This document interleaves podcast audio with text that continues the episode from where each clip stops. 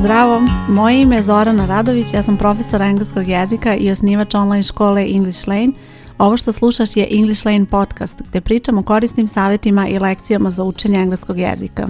U ovoj epizodi pričat ću o tome da li da upotrebiš član ispred naziva kompanija ako tek krećeš sa učenjem engleskog jezika i razmišljaš o tome šta su članovi i kako se oni koriste, imam posebnu epizodu za tebe i ostavit ću link u okviru ove stranice da pogledaš kako da počneš da učiš članove kada kreneš sa učenjem engleskog jezika. Članovi su one reči e, n, d koje stoje ispred nekih reči i uvijek postoji dilema kada da se upotrebi član, pogotovo ako tek krećeš sa učenjem engleskog jezika i zato će ti ta epizoda biti veoma korisna, a ukoliko već imaš iskustva kada su u pitanju članovi i već umeš u nekim situacijama da ih upotrebiš, ali imaš dilemu kada su u pitanju nazivi kompanija, ova epizoda će ti pomoći da rešiš te nedoumice. Pre nego što počnemo, moram da se osvrnem na dva pravila koje su naravno relevantna za ovo sve što ću pričati dalje. A prvo pravilo za upotrebu članova je da brojeva imenica u jednini mora imati član, odnosno determinator. Sada ću odmah i objasniti to. Ako imaš recimo reč company, ispred te reči mora biti član ili determinator. Poslušaj primjere. He works in a company. On radi u kompaniji a company, tu je član neodređen i koristi se zato što se pominje neka kompanija, bilo koja kompanija i to je neodređeni član. He works in this company. On radi u ovoj kompaniji. This je determinator. Osim članova i druge reči kao što su this, that, kao i prisvojni pridevi, to su reči koje mogu biti determinatori i one mogu stajati ispred imenice umjesto člana. Znači ako upotrebiš this company, onda nećeš upotrebiti član u toj situaciji. I još jedan primjer, he works in our company. Our je prisvojni pridev koji je također determinator i koji može da stoji ispred ove imenice umjesto člana. Ono što je bitno da zapamtiš je da reč company u ovoj situaciji, pošto je brojeva imenica u jednini, ne može da stoji samostalno i da ne može da se upotrebe dva determinatora ispred jedne reči, znači ne možeš reći this a company, već ili jedno ili drugo. Inače više o determinatorima i generalno o svim pravilima za upotrebu članova možeš naučiti u okviru mog kursa članovi u engleskom jeziku koji je dostupan u okviru English Lane online škole na ovoj stranici gdje slušaš podcast ostavit ću link ukoliko želiš da saznaš više informacije o tome. Drugo pravilo koje je bitno da zapamtiš je da se član ne koristi ispred naziva kompanija jer su u pitanju vlastite imenice ali kada kreneš sa učenjem članova vidit ćeš ubrzo da svako pravilo ima izuzetak, pa i ovo. Kada upotrebljavaš naziv kompanije kao takav, nećeš upotrebiti član osim ako ta kompanija ne koristi član kao deo svog naziva, što ćeš naravno morati da proveriš, ali većina kompanija nema d član ili e u nazivu i prema tome taj naziv kompanije se piše bez člana.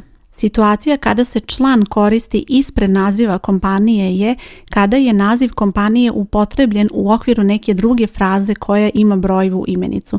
I sada ću ti sve to objasniti kroz nekoliko praktičnih primjera gdje ću objasniti zašto se u nekoj rečenici koristi član, a zašto negdje ne. Evo ja sam izabrala nekoliko naziva kompanija i imam nekoliko rečenica, pa poslušaj primjere i objašnjenje za svako od njih. Small and medium-sized businesses sell their products on Amazon. U ovom slučaju naziv kompanije Amazon je upotrebljen bez člana i nema potrebe da se koristi član u takvoj situaciji kada naziv kompanije stoji nezavisno od ostalog dela rečenice. Poslušaj sada drugi primjer. The Amazon website features the list of products. U ovoj rečenici sada imamo frazu the Amazon website i u ovoj frazi je član, određeni član D upotrebljen zbog ove reči website. Zato što je to brojeva imenica u jednini, u toj situaciji koristi se član i u ovoj situaciji upotrebljen je određeni član D zato što je pojam određen, odnosno smatra se da je pojam jedinstven jer postoji jedan sajt na kome se nalaze ti proizvodi, a može biti i neodređen član u nekim drugim situacijama. Ista situacija je u sljedećoj rečenici. The Amazon Marketplace enables selling products online. The Amazon Marketplace. To je fraza, zašto imamo ovo marketplace, tu će biti član upotrebljen u toj frazi, a opet reč kompanije zapravo samo opisuje taj marketplace.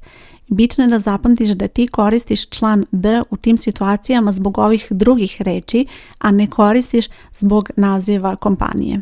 Poslušaj sada sljedeći primjer. The British Airways flight was delayed. Sada imamo frazu The British Airways Flight gdje British Airways, iako naziv kompanije opisuje koji let je u pitanju i zbog te reči flight, let, upotrebljavamo član the. Poslušaj sada sljedeći primjer. Volvo designs and produces vehicles. Volvo je naziv kompanije koji se koristi bez člana. U sljedećoj rečenici ipak je upotrebljen član. They visited Volvo factory.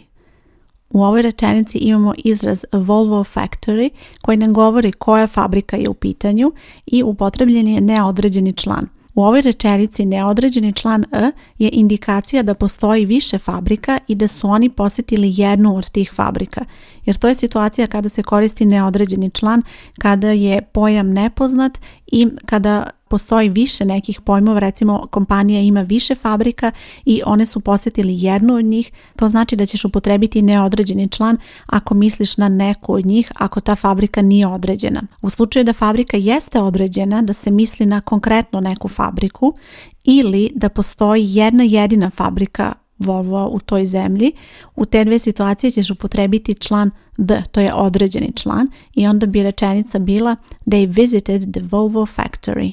Obe rečenice su tačne, ali postoji razlika kada se koristi jedna, a kada druga. Poslušaj sada ovaj primjer. Starbucks is the largest coffee house chain. Starbucks je naziv kompanije i opet se ne koristi član. Međutim, u sljedećoj rečenici ta reč opisuje neki drugi pojam i zato će biti upotrebljen član. The Starbucks coffee shop is open now. Sada ova reč naziv kompanije stoji ispred ovog izraza coffee shop i upotrebljen je član. Ovdje je upotrebljen određeni član i kada upotrebljavaš taj član to znači da prepostavljaš da je u pitanju neki određeni pojam, da ti je poznata ta lokacija, a naravno može biti i neodređeni član A Starbucks coffee shop is open now. Međutim, kada je reč o množini, tada ne možeš upotrebiti neodređeni član i to je bitno da zapamtiš, tako da ako rečenica glasi Starbucks coffee shops were closed, u toj rečenici nećeš upotrebiti neodređeni član zato što je reč coffee shops u množini. Kao što si čula u ovim primjerima koje sam do sada navela, reč koja se nalazi posle naziva kompanije zapravo utiče na izbor člana i to je nešto što će ti pomoći da odrediš da li da upotrebiš član ispred naziva kompanije. Postoje nazivi kompanija koji u sebi već imaju D i ako je to slučaj, onda ćeš ti upotrebiti član i u drugim situacijama kada pričaš o toj kompaniji i kada pominješ taj naziv u rečenici.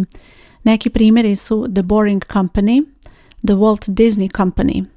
Kao što primećuješ, obe fraze imaju reč company i obe fraze imaju na početku D, ali to su nazivi kompanija koji su tako registrovani i u toj situaciji potrebno je da upotrebiš određeni član. Kao što si iz ovih primjera čula i kao što ćeš vidjeti kada kreneš sa učenjem članova ozbiljnije, pravila koja postoje moraju da se prilagode rečenici i mora da se analizira, odnosno tumači rečenica šta želiš da kažeš, da li je pojam poznat, da li je nepoznat, da li je određen ili neodređen i to je nešto što u velikom broju slučajeva utiče na izbor člana, čak i u ovim situacijama kada se pominju nazivi kompanije.